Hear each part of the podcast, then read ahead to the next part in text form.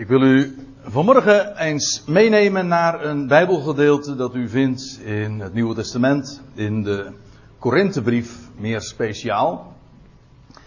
En daaraan is ook de titel van deze samenkomst, het thema van deze samenkomst ontleend. Ongezuurd feestvieren. En dat heeft ook alles trouwens te maken met het, de tijd waar we momenteel in leven. Want ik weet niet in hoeverre u op de hoogte bent van de feestkalender, de hoogtijden van de Heren. Zoals we die vinden in het Oude Testament. Of anders gezegd, in hoeverre u op de hoogte bent van ook de Joodse hoogtijden, de Joodse feestdagen. Maar dan attendeer ik u er vandaag even op dat het vandaag ja, 24 april 2016 is. Maar op de Joodse kalender is het vandaag de 16e Nisan. Oftewel de 16e Aviv. Die maand die heeft twee, twee namen. De, de naam Aviv, dat betekent eigenlijk lente. Dus het is echt de maand van de lente. Dat zou je niet geloven als je zo eventjes eh, buiten loopt. Maar het is toch echt zo. En de 16e Aviv, dat is de tweede dag van het Pesach. Dat wil zeggen, het grote feest. Het eerste grote feest eigenlijk in het, in het jaar.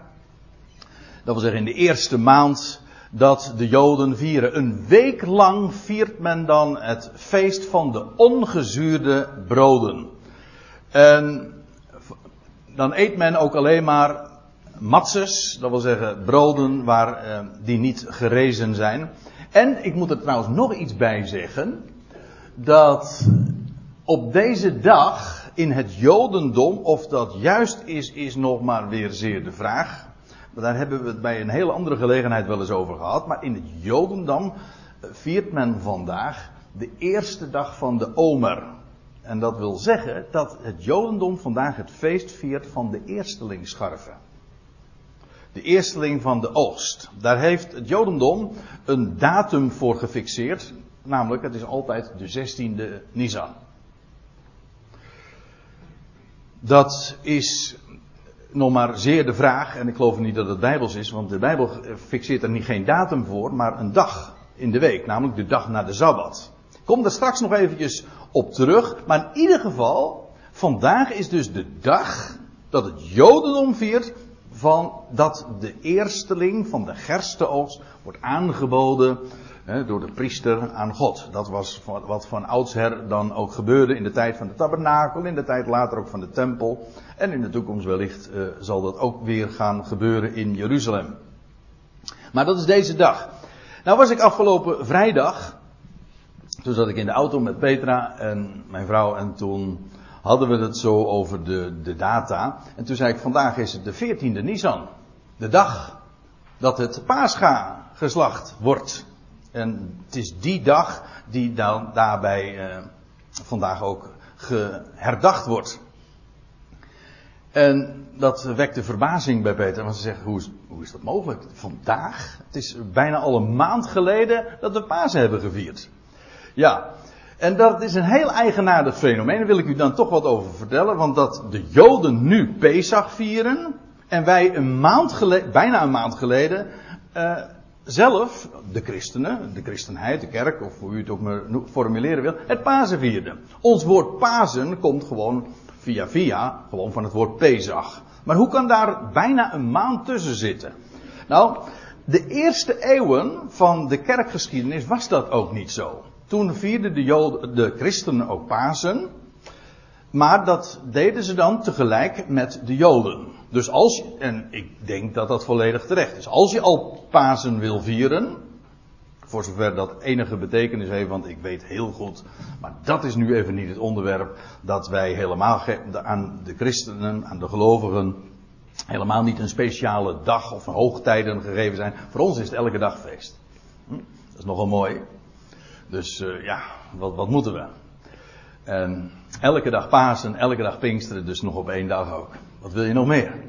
Dus daar gaat het even niet om. Maar als je al Pasen wil vieren, dan zou je dat moeten doen met Pesach. Dat is ook wat van oudsher de eerste eeuwen gebeurde. Totdat in Nicea, dat was in het jaar 325, dat was voordat u geboren was, ook voor mijn geboorte. Dus, dat al heel lang geleden, in het jaar 325, toen werd daar in Nicea een hele belangrijk concilie gehouden, een synode. En daarin werden zaken als die van de drie-eenheid geregeld, maar ook nog iets anders.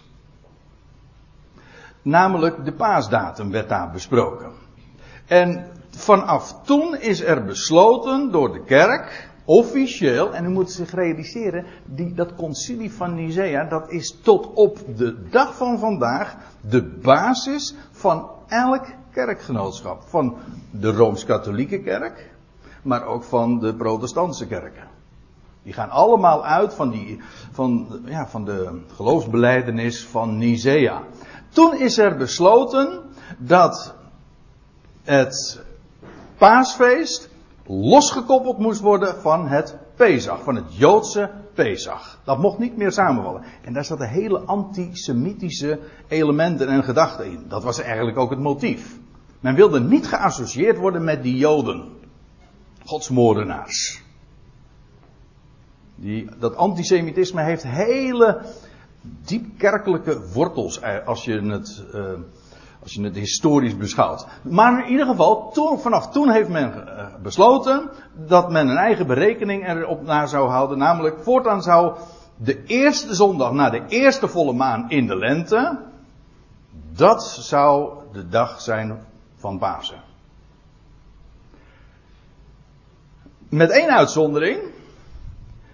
Als Pasen dan bij die berekening wel eens een keer zou samenvallen met Pesach, dat kan. Bijvoorbeeld, ik herinner me in 2001 was, was er zo'n situatie. In 2001 zou, uh, ondanks deze regeling, zou het Pasen toch samenvallen met Pesach. Nou, men heeft toen bepaald, mocht dat bij gelegenheid dan toch samenvallen, het Pasen en Pesach, dan, uh, dan moet men de paasdatum een week verschuiven. Nou, dus als bij gelegenheid door deze regeling Pasen op de juiste datum gevierd zou worden, dan verschuiven we het. Dus men heeft zich zo ingedekt dat men het per definitie altijd fout doet. Dat is toen in Nicea besloten. En als u het mij vraagt, en ik kan hier gelukkig vrij uitspreken, dat demonstreert wel hoe fout de hele instelling van Nicea is geweest. Maar laten we het daar verder maar even niet over hebben. Hebben ze dat erover gezet? Ja, toen. Ja, in 2001, ik weet het nog, ik heb het namelijk vanmorgen nog even nagekeken. Als ik me niet vergis was het 8 april zou dan Pasen zijn en toen heeft men het verschoven een week later. Ja. Dus, ja, dat is heel eigenaardig, uh, om, op zijn minst. Hè? En curieus. Maar in ieder geval, dat verklaart dus waarom Pasen en Pesach helemaal uiteengevallen zijn. Om eventjes trouwens ook de, de gedachten even op te frissen. Dat met Pesach was het zo geregeld. En u kunt het allemaal keurig navinden, met name in Leviticus 23. Dat is een heel hoofdstuk dat gaat over, over de feesttijden, de hoogtijden van Yahweh. En daar lees je dat uh, een gedurende één week het uh, het feest van de ongezuurde broden gevierd uh, werd. En dat gebeurde na de 14e Nisan. De 14e Aviv of de 14e Nisan werd het lam geslacht. En dan vervolgens, vanaf de 15e, een week lang, zeven dagen lang, werd het feest van de ongezuurde broden gevierd. Ook de, tijdens deze dag werden al geen ongezuurde broden meer gegeten. Maar hier begon het feest van de ongezuurde broden. En dat is dus, en vandaag is het dus de 16e Nisan. En dat is dus de tweede dag van het feest. Dat je in, als je nu ook in Israël komt, als je brood koopt, dan is dat altijd per definitie een matse, ongezuurd. Ik kom daar straks nog eventjes op terug. Maar in verband ook met de hele vervulling, want die is zo perfect goddelijk. Het zijn maar niet zomaar Joodse feestdagen. Het zijn de hoogtijden van Hem. God heeft gebeurtenissen En die vallen dan ook weer samen met de oogsten van Israël. Maar hij heeft gebeurtenissen ook gefixeerd. Op die datum moet dat gebeuren. Ja, dat is niet zomaar. Dat heeft betekenis. Dat was profetisch. En dat is geweldig.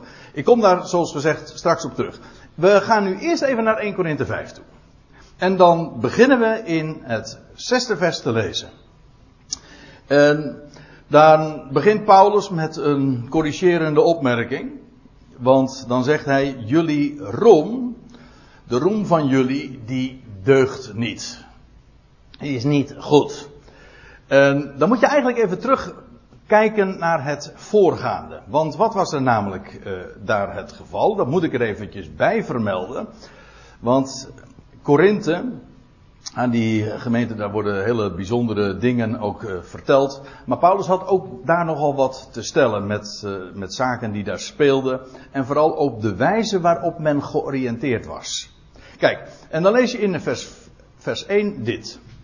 En ik heb, uh, als u de, de cursief dan ziet, dan, dan wijk ik soms wat af van de NBG-vertaling. Maar eventjes dit. Uh, inderdaad, men spreekt van hoererij onder jullie. En zelfs zulke hoererij, als zelfs onder de natieën, niet voorkomt. Dat iemand de vrouw van zijn, dat iemand de vrouw van zijn vader heeft. Nou, dus hij zegt, dit, dit zijn toestanden onder jullie, die zelfs onder de natieën, gewoon waaronder jullie je bevinden, dat komt niet voor. Dat iemand samenleeft met de vrouw van zijn vader. Kennelijk niet zijn eigen moeder, maar in ieder geval dan toch in elk geval de echtgenote van zijn vader. Nou, dat is toch. En Paulus spreekt zijn verbazing over. Dat is zo um, immoreel. En dan zegt hij, en jullie zijn opgeblazen in plaats van u veel eer te bedroeven. Opgeblazen, en ik, laat ik er dan meteen maar eventjes dit bij zeggen en dit beeld erbij gebruiken. Uh, dat is, want dit is in feite ook een introductie tot het onderwerp wat hij een paar versen later ook ter sprake gaat brengen. Namelijk dat van zuurdezem. Weet je wat zuurdezem doet? Zuurdezem blaast inderdaad de boel op. Een ongezuurd brood, een matse, is plat. Dat is niet gerezen.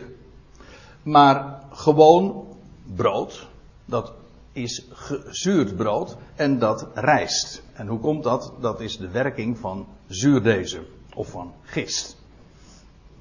Ook daar kom ik nog eventjes op terug. Maar in ieder geval, het gaat om de uitwerking. Jullie zijn opgeblazen. Jullie beroemen je nou wel, maar in plaats van jullie over deze stand van zaken te bedroeven. Kijk, je kan nooit voorkomen dat zulke dingen gebeuren. Maar als dat iemand betreft in jullie eigen kring die zo doet. Hij zegt, dan zou je toch over, over bedroefd zijn. Maar dan zegt hij dit. En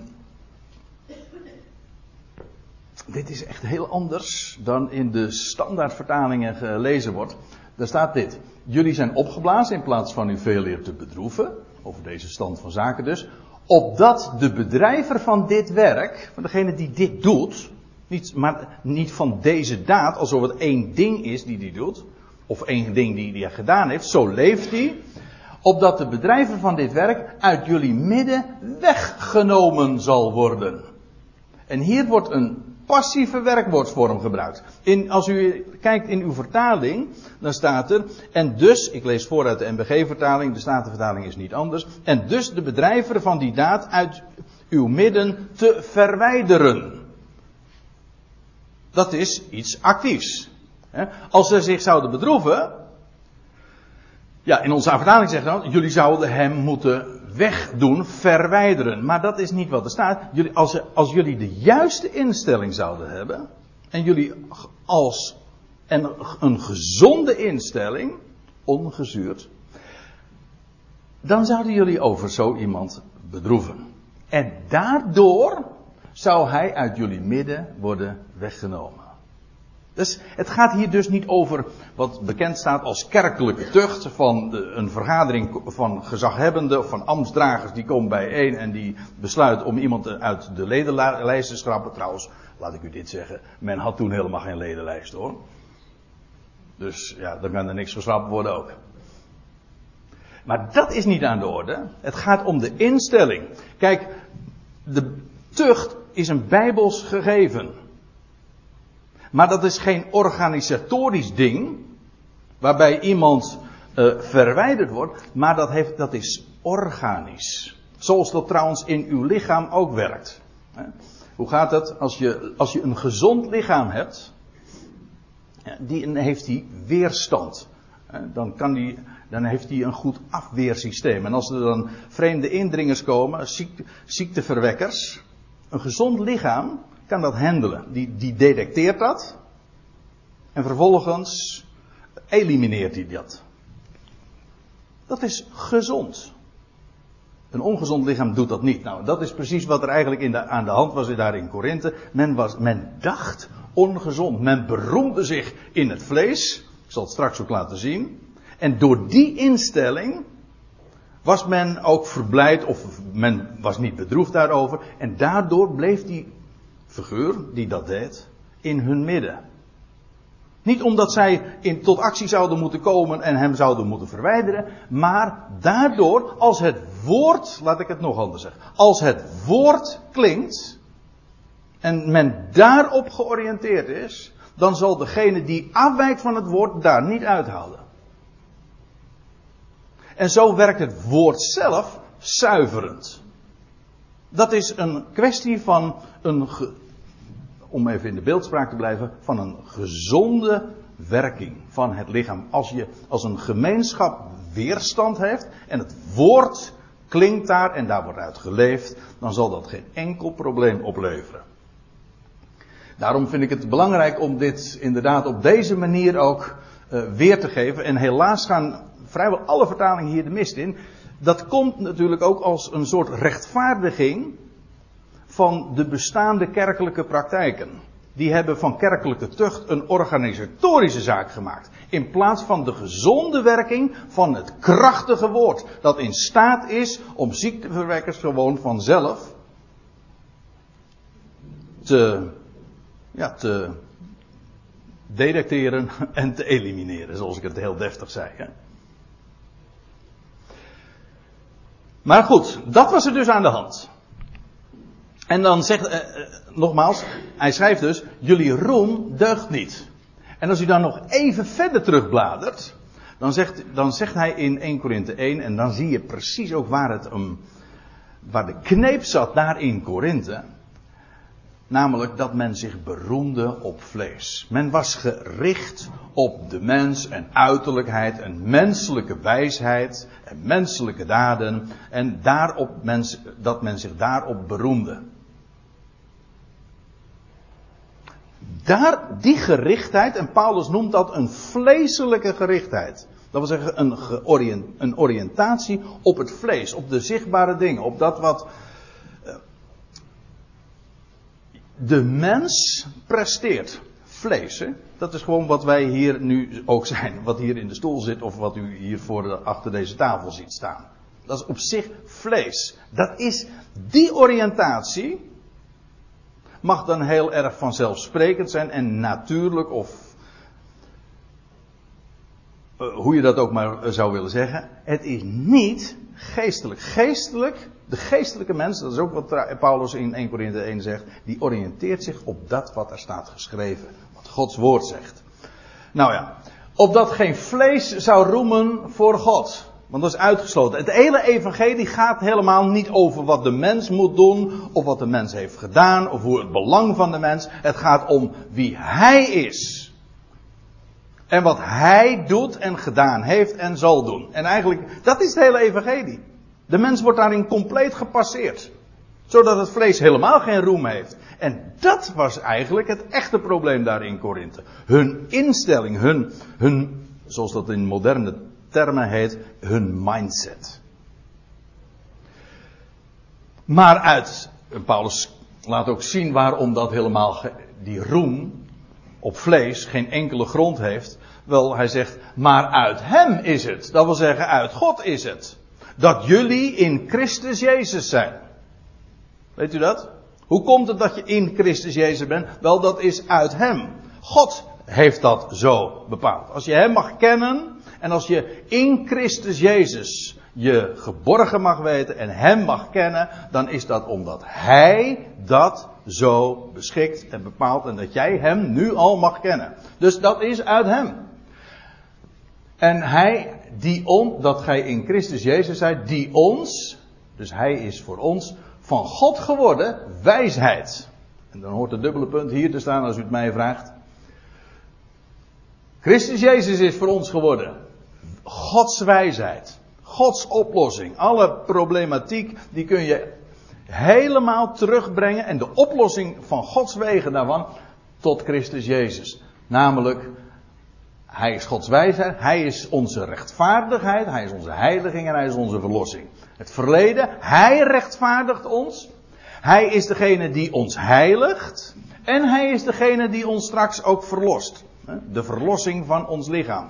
Verleden, heden, toekomst. Hij was het die ons in Christus Jezus plaatste. Hij is het. Hij is degene die ons gerechtvaardigd heeft. Dat is zijn werk. En hij is het ook die ons vervolgens heiligt en afzondert. En toewijdt aan hem. En vervolgens is hij het ook die ons verlost. Het lijkt me toch een duidelijke zaak dat als het gaat om de verlossing van ons lichaam, dat daar helemaal geen menselijke bijdrage in gekend kan worden. Ik bedoel, het feit dat we stervelingen zijn, ja, dat is een gegeven. En als daar hoop is op nieuw leven en voorbij het graf, ja, dan is dat omdat God dat zo doet. Dus, maar het geldt niet alleen voor die verlossing straks, ook voor de rechtvaardigheid in het verleden en de heiliging. Alles is uit Hem. Kortom, alle roem in de mens is volstrekt afgesneden en uitgesloten. Opdat het zij, gelijk geschreven staat, dat is een algemene bijbelse waarheid. Is niet nieuw, dit is, dit is het ABC van heel de schrift. Wie roemt, als er dan roem is, die roemen in hem. Kijk, dat is de instelling. Niet in het vlees. Wij denken dat dat allemaal zo belangrijk is. En onze eigen werken, ons eigen zwoegen, kunnen, ja, daar is ook eer aan te behalen. Nee, alleen Hij. Alles. En ongeacht of je kijkt naar achteren, naar het verleden, of naar nu, of naar de toekomst, het is allemaal zijn werk. Wel, die instelling, die is het, die is van zo van groot belang. Die roem, jullie roem deugt niet. Jullie beroemen je in vlees. Dat is wat Paulus zegt. Maar beroem je in hem. Kijk nou eens de goede kant op. Die mindset. Weten jullie niet dat een weinig zuurdeeg het hele deeg zuur maakt? Dat is een vraag die nog eens een keer in de, met name in de brieven doorklinkt. Ja, ik heb hier een, ander beeld, want we kennen het fenomeen. Want u weet, uh, wellicht, ik heb er eigenlijk helemaal niet zoveel verstand van, maar dit weet ik dan wel, dat, dat dit een vanzelfsprekendheid is. Een heel klein beetje gist maakt het hele deeg zuur. Net zo goed als u kent het eh, beeld ook van de rotte appel. Ja, die moet eruit gehaald worden. Waarom? Omdat anders in no time al die andere appels ook aangetast zijn. Dat is hetzelfde idee, die, dat verrottingsproces. Toch? In, en met dat uh, in gedachten zegt Paulus ook in Galaten 5. Hij, brengt daar dezelfde dingen ook naar voren. Nou ja, de aanleiding is een hele andere.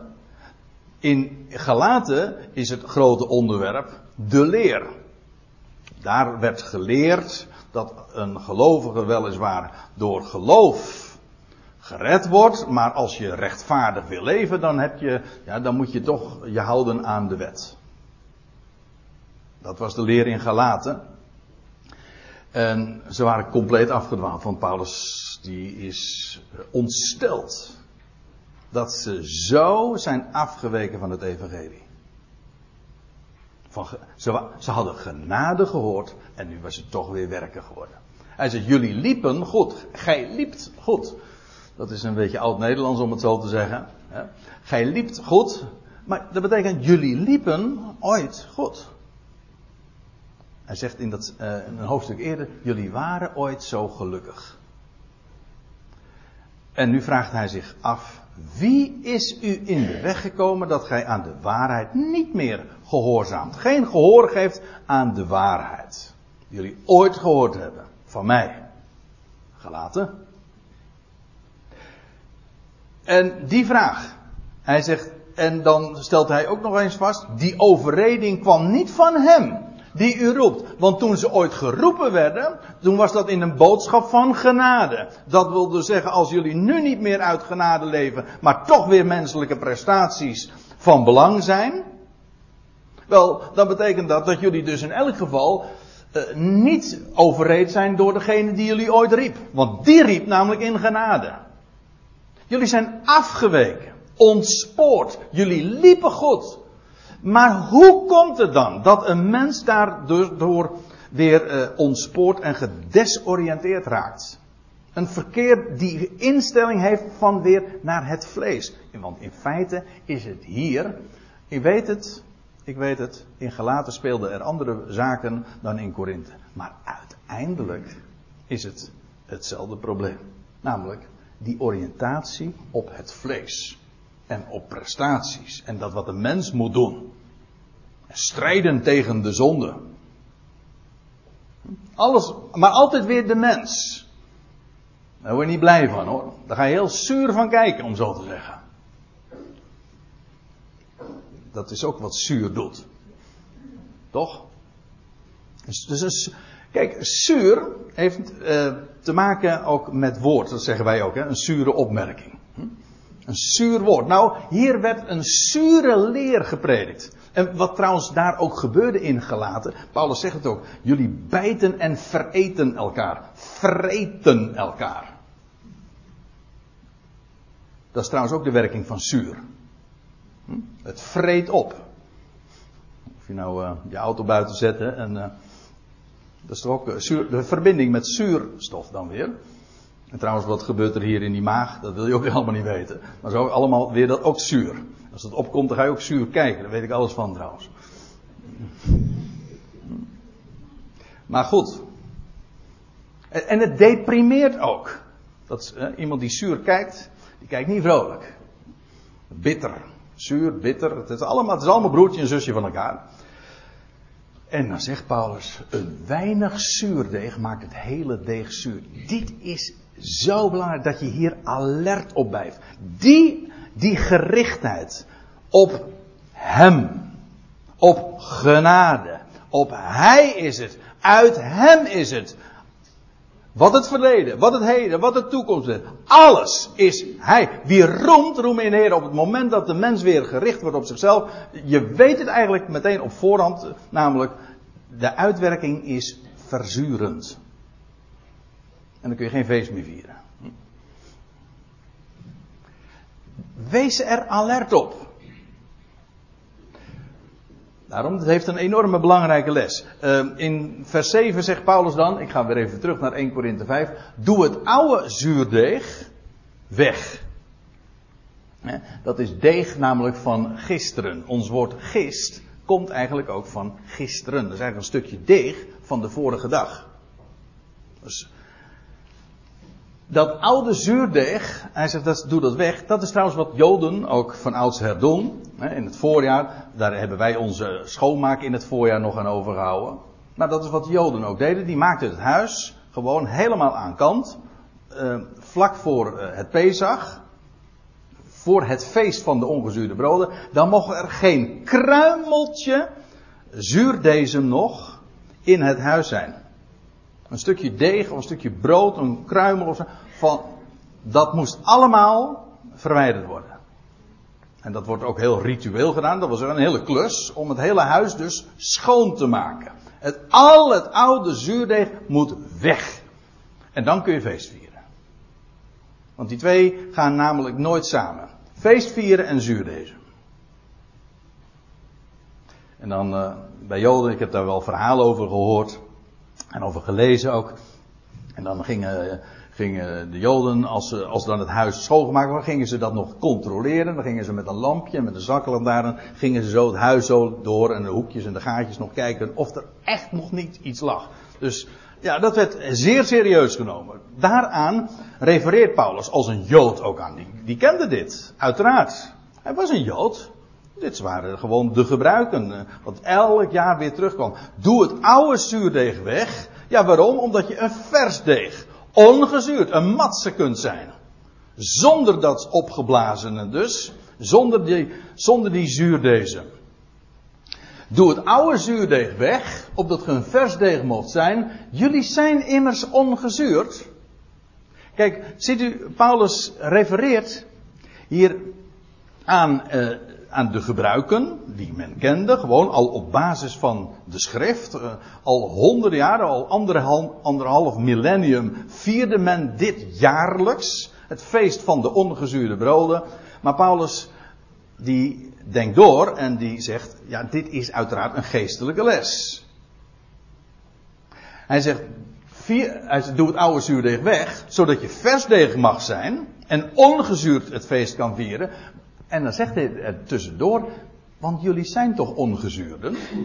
Dat is toch wat jullie zijn, dat is jullie identiteit. Jullie zijn immers ongezuurd. Het is eigenaardig zoals hij dat dan formuleert en motiveert. Hij zegt, doe dat, want jullie zijn het. Komt er eigenlijk op neer, zoals wij dat dan zouden zeggen. Het gaat erom dat je wordt wie je bent. Je hebt een identiteit. Paulus zegt ook niet van wat ze moeten doen. Paulus zegt wie ze zijn. Je moet weten wie je bent, hoe het is. Wij denken dan meteen altijd weer aan actie. Nee, het gaat er in de eerste plaats om de waarheid te kennen. Hoe is het? Hoe kijkt God? Wat zegt Hij? Wat is er gebeurd? Wat doet Hij en wat zal Hij doen? Wat is Hij bij machten te doen? Dat moet je weten. De waarheid moet je kennen en die maakt vrij. Dat is de universele Bijbelse waarheid. Je moet weten wie je bent. En Paulus zegt, jullie zijn ongezuurd. Met als gevolg, als je dat weet, ja, dan kun je ook ongezuurd leven. Je begint bij weten. En vervolgens ook dat beseffen.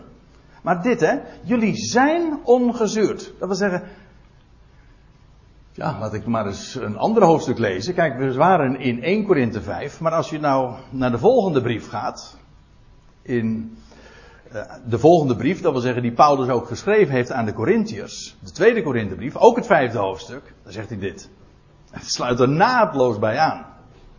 Ja, ik, ik had er eerst nog een aantal versen bij gedaan die, die je eigenlijk ook daarvoor nog zou moeten lezen. Maar goed, je moet, je moet een keuze maken dan. Let op wat Paulus dan zegt. Hè. Jullie zijn ongezuurd. Zo is dan wie in Christus is. Hij, de opgewekte. Een nieuw. Ja, ik, ik zou het er even bij moeten lezen, want Paulus zegt er nog iets bij. Had ik toch nog dat voorgaande vers erbij moeten betrekken.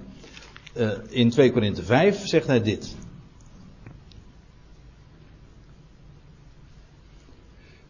Zo kennen wij van nu aan niemand naar het vlees. Ja, dat hoort er eigenlijk echt bij, ja. Zo kennen wij van nu aan niemand meer naar het vlees. Wij kijken niet meer naar de wijze waarop iemand. En we beoordelen niemand meer op basis van dat wat we zien en onze eigen kennis. Want dat is naar het vlees. Hè? Wij beoordelen altijd iemand op basis van het verleden, wat we weten. Maar dat is. Dat is niet het kennen. Dat is geen geestelijk kennen. God beoordeelt ons ook niet naar het verleden. God beoordeelt ons naar, naar de toekomst. Hij ziet ons nu al wat we straks zullen zijn. Ja, daar heb je echt geestelijke ogen voor nodig. Wij beoordelen iemand altijd op basis van wat, wat hij in zijn verleden heeft uitgevroten. Hè? Zoals dat dan heet. Ja, daar word je niet vrolijk van. Daar ga je zuur van kijken. Maar als je anders gaat kijken, namelijk zoals God kijkt, God ziet ons volmaakt in Christus. En hij ziet ons nu al zoals we straks in glorie, in heerlijkheid zijn. En als op, de, op het moment dat we zo ook naar elkaar gaan kijken, dan kijken we niet weer naar het vlees, zoals iedereen naar elkaar kijkt. Nee, dan kijk je vanuit het licht van de toekomst, dat alleen God kan laten schijnen, vanuit zijn woord, zijn belofte, dan kijk je in dat licht naar elkaar. Dan zie je allemaal volmaakte mensen. Dan ben je on, dan ben ik, dan bent u ongezuurd. Zo kijken we. Ziet u, dat is helemaal niet zoveel vanzelfsprekend. Dat is niet ziels, dat is niet psychisch, dat is pneumatisch, om het nog eens anders te zeggen. Vanuit Gods woord. Maar dan kijk je, en dan zie je dezelfde dingen, dan zie je dezelfde mensen, en, en toch, je kijkt een compleet anders. Wij kijken anders. Hoe kijken wij? Nou, gewoon met de goede bril. Niet vanuit het verleden. We hebben geen verleden. Ik ken een broeder die dat altijd zei. Altijd als stand. Hij zei, vroeger had ik een verleden en geen toekomst. Nu is het precies omgekeerd. Nou heb ik geen verleden meer, ik heb alleen nog maar een toekomst. Ja, kijk, het is toch een totaal andere kijk op de dingen. En dan, ja, en weet u wat het mooie is? Zo kijk je ook veel feestelijker in de wereld. En naar elkaar. En naar jezelf. Dan kijk je naar de spiegel. En wat zie, wat zie je dan? Dat je dan op je eigen falen. Op je, wat, wat reken je dan? Kijk je dan zoals God naar je kijkt? Volmaakt? Zoals Hij jou gemaakt heeft, zijn design, zijn creatie, waar Hij nog mee bezig is. Maar Hij weet wat Hij voor ogen heeft. En Hij werkt daar ook naartoe. En daar word je zoveel vrolijker van. En dan, dan krijg je ook vrede.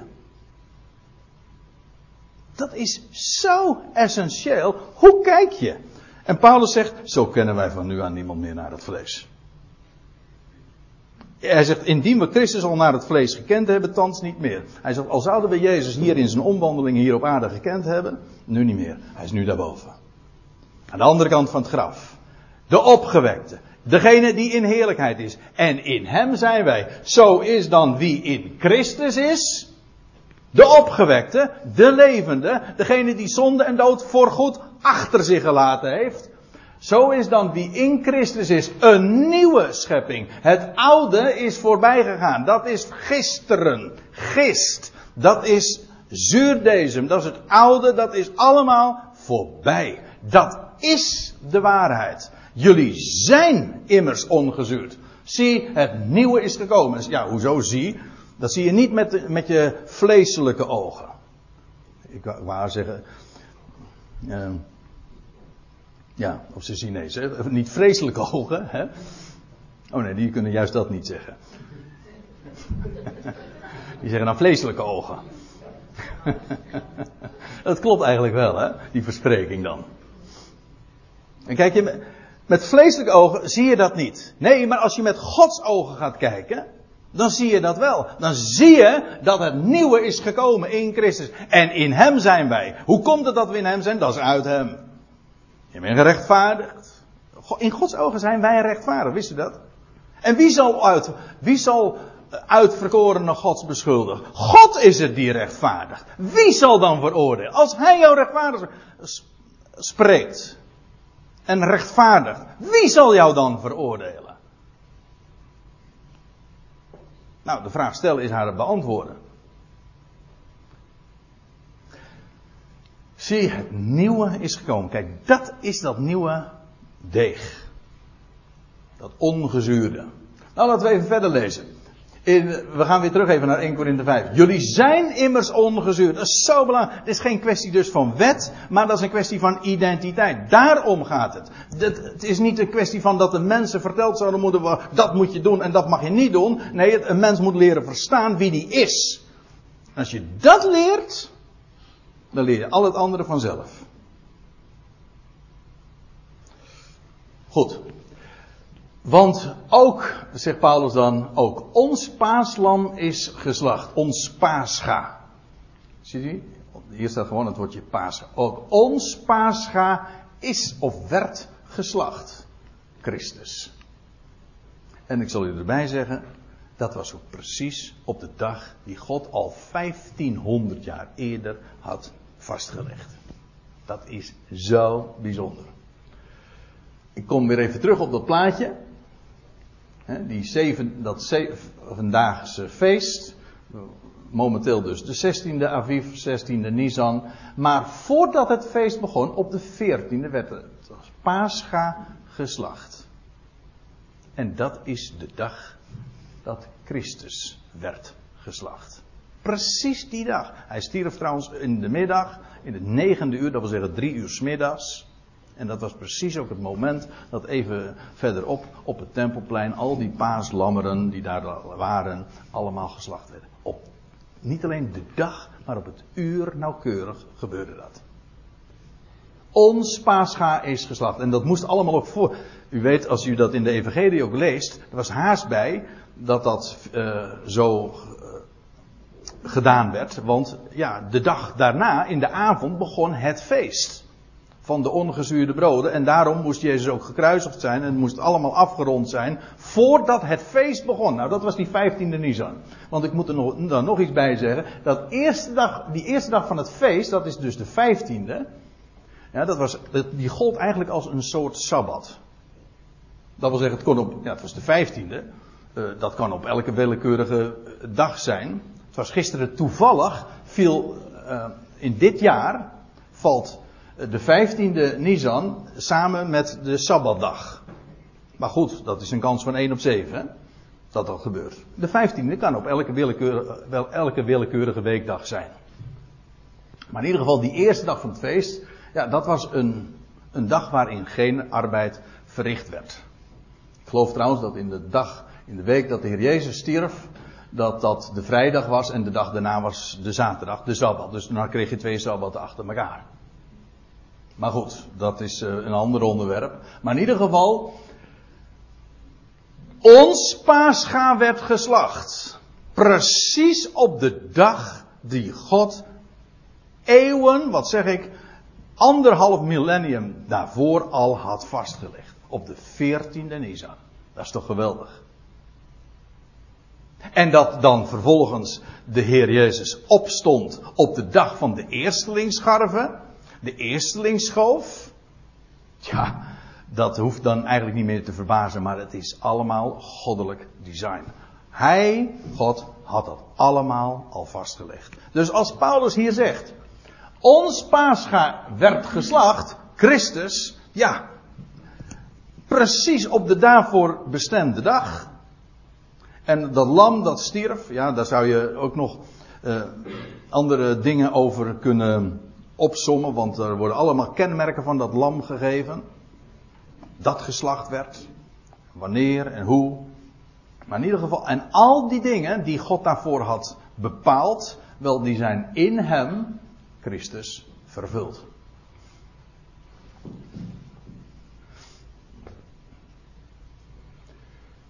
En dan zegt Paulus in vers 8 van 1 Korinthe 5. Laten wij, hm, met dat in gedachten, Christus stierf, ons paascha. Wel, wat gebeurt er na het paascha? Als, Christ, als het paascha geslacht is, wat breekt er dan aan vervolgens? Wel, het feest. Het feest van het ongezuurde. Het oude is voorbij. Laten wij derhalve feest vieren. Pascha, als dat eenmaal geslacht is, wel, wat er dan overblijft is feest. Het oude is voorbij gegaan. Zie, het nieuwe is gekomen. En het is in dat feest ook, in die week, dat de, de dag van de eerstelingsscharven viel. Ongeacht op welke, werk, op welke dag dat dan ook viel. Maar in ieder geval, daags na de Sabbat. Hè, zo was dat door God ook bepaald in Leviticus 23. Daags na de Sabbat zou de eerstelingsschoof aangeboden worden aan God. En de eersteling werd opgewekt. Nou, zegt Paulus, laten wij derhalve feest vieren. Wat er overblijft is feest. Reden inderdaad om je te verheugen. In een volheid van tijd. Zeven dagen. Dus er komt trouwens nog iets interessants bij. Uh, deze brief is vermoedelijk ook rond deze tijd geschreven en verstuurd. Als Paulus dit zo formuleert, dan, dan heeft dat ook alles te maken met de tijd die, uh, die toen ook uh, ja, uh, net aangebroken was. Dus deze brief werd geschreven of verstuurd precies in dezelfde tijd als waar wij nu dus ook leven in het jaar. dat is ook niet alleen uit dit gedeelte blijkt dat, of in ieder geval wordt dat gesuggereerd, maar als je even later in, aan het einde van de brief dan komt, dan lees je dat Paulus dit zegt. Hij zegt, ik wil u thans uh, niet in het voorbijgaan bezoeken, want hij plant weer een nieuw bezoek aan Korinthe. Hij zegt, ik hoop uh, enige tijd bij u te blijven, als de Heer het toestaat. Maar hij zegt, ik zal nog tot Pinksteren te Efeze blijven. Want mij is een grote en een machtige deur geopend en er zijn vele tegenstanders. Dat gaat altijd hand in hand. Hè? Als er een machtige deur open gaat, ja, dan, is de, dan zit de tegenstander niet stil. Maar het gaat me even om dit achtste vers. Ik zal nog tot Pinksteren, het wekenfeest. Pinksteren is ook zo'n Joods, of moet ik het zeggen, een Bijbels eh, feest. In, uh, in het Hebreeuws heette het dan het wekenfeest. Men moest zeven weken tellen. Vanaf die eerstelingsscharven 49 dagen. En dan brak de vijftigste dag aan. Ja. Maar in ieder geval, Paulus zegt dat zo. Ik zag nog tot Pinksteren te Efeze blijven. Dat suggereert dus dat het inderdaad rond de, deze tijd is geweest. Van Pesach dat deze brief ook opgesteld of verstuurd werd. Afijn, uh, laten wij derhalve feest vieren niet met oud zuurdeeg, uh, nog met zuurdeeg van slechtheid en boosheid, want dat is, en ik heb er al eigenlijk al even uh, een aan, paar aanwijzingen ook in die richting gegeven, en het hoeft ook niet te verbazen. Uh, zuurdeeg, dat typeert het oude. Het oude, dat van gisteren. Het vlees. Slechtheid en boosheid. Zuurdezem is in de Bijbel onveranderlijk altijd een type van slechtheid en van boosheid. Van kwaadaardigheid, boosaardigheid.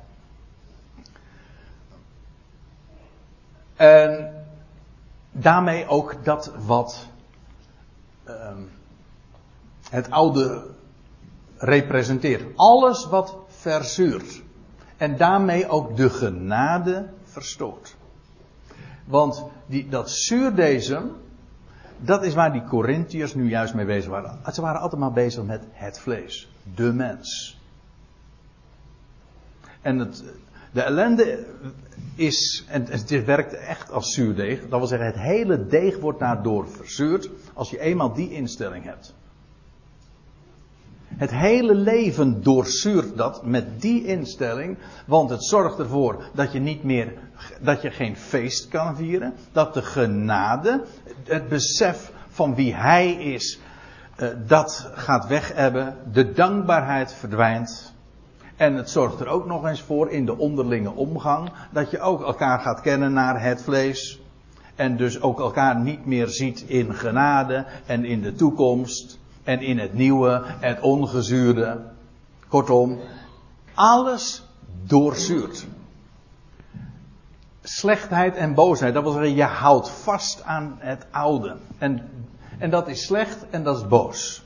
Gewoon. En weet je, het mooie is trouwens, eh, als je nog even doorleest, dat slechte en boze wordt eh, in contrast gesteld met het met reinheid en met waarheid. Dan weet je ook meteen wat slechtheid en boosheid hier is. Dat is dus onreinheid, onzuiverheid, onoprechtheid. Alles wat niet waarachtig is, wat niet zuiver is, wat niet oprecht is. En wat leugenachtig is. U zei al, het gaat om de waarheid. Wie je bent, wie hij is. Dat wat hij te melden heeft. Dat is de waarheid. Leef in dat licht. Dat is ongezuurd.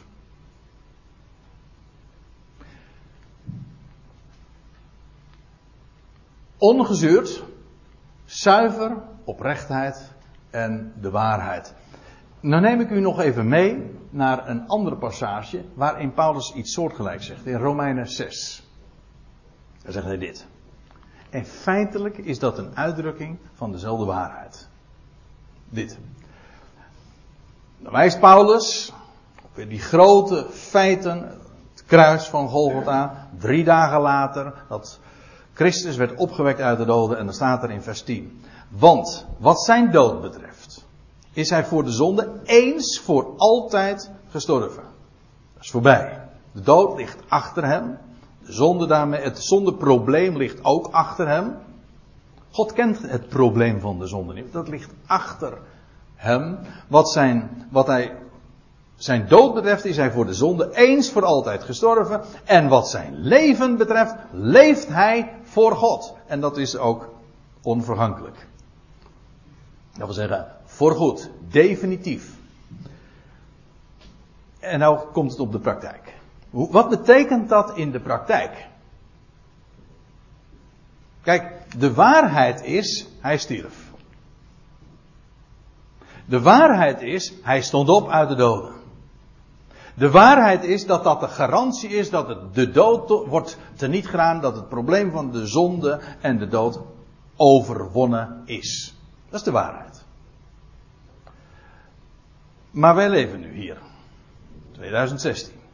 Even de, onze jaarrekening dan maar houden. En dan? Hoe, hoe bepaalt dat ons leven vervolgens? Onze dagelijkse praktijk? En dat begint ook hier weer met het verstaan wie je bent. Je identiteit. Je bent ongezuurd. Als dat niet je uitgangspunt in je leven is, als je s'morgens opstaat, een mooi beeld hè. Als je s'morgens opstaat, hoe begin je dan? Sta je echt op? Opgewekt? In een nieuwe dag, een nieuw leven, de zon is opgekomen, de nacht is voorbij. Nou, hoe? Dat is een prachtig beeld. Hoe sta je op? Met gist? Weer met gisteren? Of is vandaag? En de toekomst ligt voor me. En dat is daarom het verstaan van je identiteit en dus de wijze waarop je rekent. Er staat in de NBG-vertaling, zo moet het ook voor jullie vaststaan. Ik heb er niet zo heel veel moeite mee met die uitleg of met die vertaling, maar er staat niet, zo moet het ook voor jullie vaststaan. Hij zegt, zo rekent ook jullie. Rekenen ook jullie zo. Rekenen. Het woordje logica staat er in het Griekse. Gewoon, dat is een kwestie inderdaad van rekenen. 1 plus 1 is 2. Sommige mensen hebben daar een hekel aan, maar daar is precies waar het allemaal om, om, om begonnen is. Om rekenen. Reken ook jullie dat jullie, dus hij had het over Christus. En dan zegt hij, zo rekent ook jullie dat jullie wel doden zijn voor de zonden, maar levenden voor God in Christus Jezus. Kijk, en dit is nou het hele geheim. Jullie zijn in Hem, wel als Hij stierf. Wat betekent dat in de praktijk? Nou, dat wij dus met Hem gestorven zijn. We zijn verbonden met Hem. En Zijn lot is ons lot. Hij stierf, dus wij zijn gestorven. Hij stond op, dus wij zijn met Hem opgestaan. Hij is daar, dus wij zijn met Hem daar gezeten. Gewoon die, die totale eenheid. Zo rekent God. En nou zegt Paulus, zo rekent ook jullie. Dat is dus niet een kwestie van leven uit je gevoelens en je ervaringen. Dat is heel begrijpelijk, maar het is ziels. Zielig ook. En ook heel zuur. Weet je wat pneumatisch is? Dat is rekenen zoals God rekent. namelijk, ik ben in Hem. Volmaakt, gerechtvaardigd, een levende. En de zonde, bestaat niet. Daar hebben, we hebben we het niet over. Dus, nou lezen we, nog, lezen we nog even verder. Vers 12. Laat dan de zonde niet langer koning zijn in jullie sterfelijk lichaam. Er zijn twee varianten waarop je dat kunt doen. Je kunt gewoon leven zonder God. En totaal geen acht geven op wie Christus Jezus is. Maar je kunt ook nog. Je hebt dus ook een godsdienstige variant van deze. En die is in feite nog veel gevaarlijker, want veel minder gemakkelijk te herkennen. De godsdienstige variant is de zonde, dat je de zonde in je, koning, in je lichaam als koning laat heersen. Dat is, je wordt beheerst door de zonde. Weet je hoe je dat dan doet? De godsdienstige manier is, ik ben een zondaar. En ik word geroepen. Dit zijn trouwens ook dingen die ja, in allerlei kerkelijke formulieren ook zo voor uh, geleerd en onderwezen worden. Ik word geleerd om dag en dagelijks te strijden tegen de zonde. Dat wordt geleerd. Weet je wat, er, weet je wat dat is? Dan laat je de zonde koning zijn in je sterfelijk lichaam. Je wordt beheerst door de zonde. Je moet er namelijk tegen strijden. En het is zo, dat is zo frustrerend. Want, men, dat is trouwens wat men ook zegt, dat, uh, je, je kan dat nooit. Je kan dat helemaal niet. Dus je wordt geroepen tot iets wat je helemaal niet kan. Dus frustratie is op voorhand verzekerd. Dan word je beheerst door de zonde. Ja, ik mag dit niet. Ik moet. Nou ja, vooral dat hè. Je, wordt, je, je strijdt tegen de zonde, maar juist dan word je beheerst door die zonde. De andere kant is, en dat is wat Paulus tegen, tegen de Romeinen zegt. Hij zegt het tegen de Corinthiërs. Hij zegt het tegen de Galaten. Je bent in hem. Volmaakt. Leef zo. Ongezuurd. Reken je als in hem zoals God rekent. En dan daarin is de kracht van ons leven ook gelegen. Met het opgeheven hoofd zo in het leven te staan. Want wat ik niet kan, dat kan hij. Dus ho hoezo eh, problemen hebben met je eigen onvermogen? Hoezo? Ik bedoel, wat, het gaat er helemaal niet om wat jij kan. Het gaat, ga er nou eens een keertje vanuit op voorhand dat je dat niet kan. En dat scheelt trouwens ook een heleboel frustratie. Want frustratie ontstaat altijd doordat je bepaalde verwachtingen hebt en die worden dan weer niet vervuld. Dat is wat frustratie is. Maar als je helemaal niks van jezelf verwacht, kun je er ook niet in gefrustreerd raken. U zegt dat klinkt simpel. Ja, maar het mooie is, het is ook simpel. Het is heel, het is heel simpel zo te rekenen. Het, maar ik zal u dit vertellen. Juist daarom is het zo moeilijk. Ik, de vorige keer citeerde ik Johan Cruijff ook al. Maar, maar ik zou het nou weer doen. Hè. ja, nou ja. Ik weet niet meer precies hoe hij het zei. Oh ja, voetballen is uh, heel simpel. Maar er is niks moeilijker dan simpel voetballen.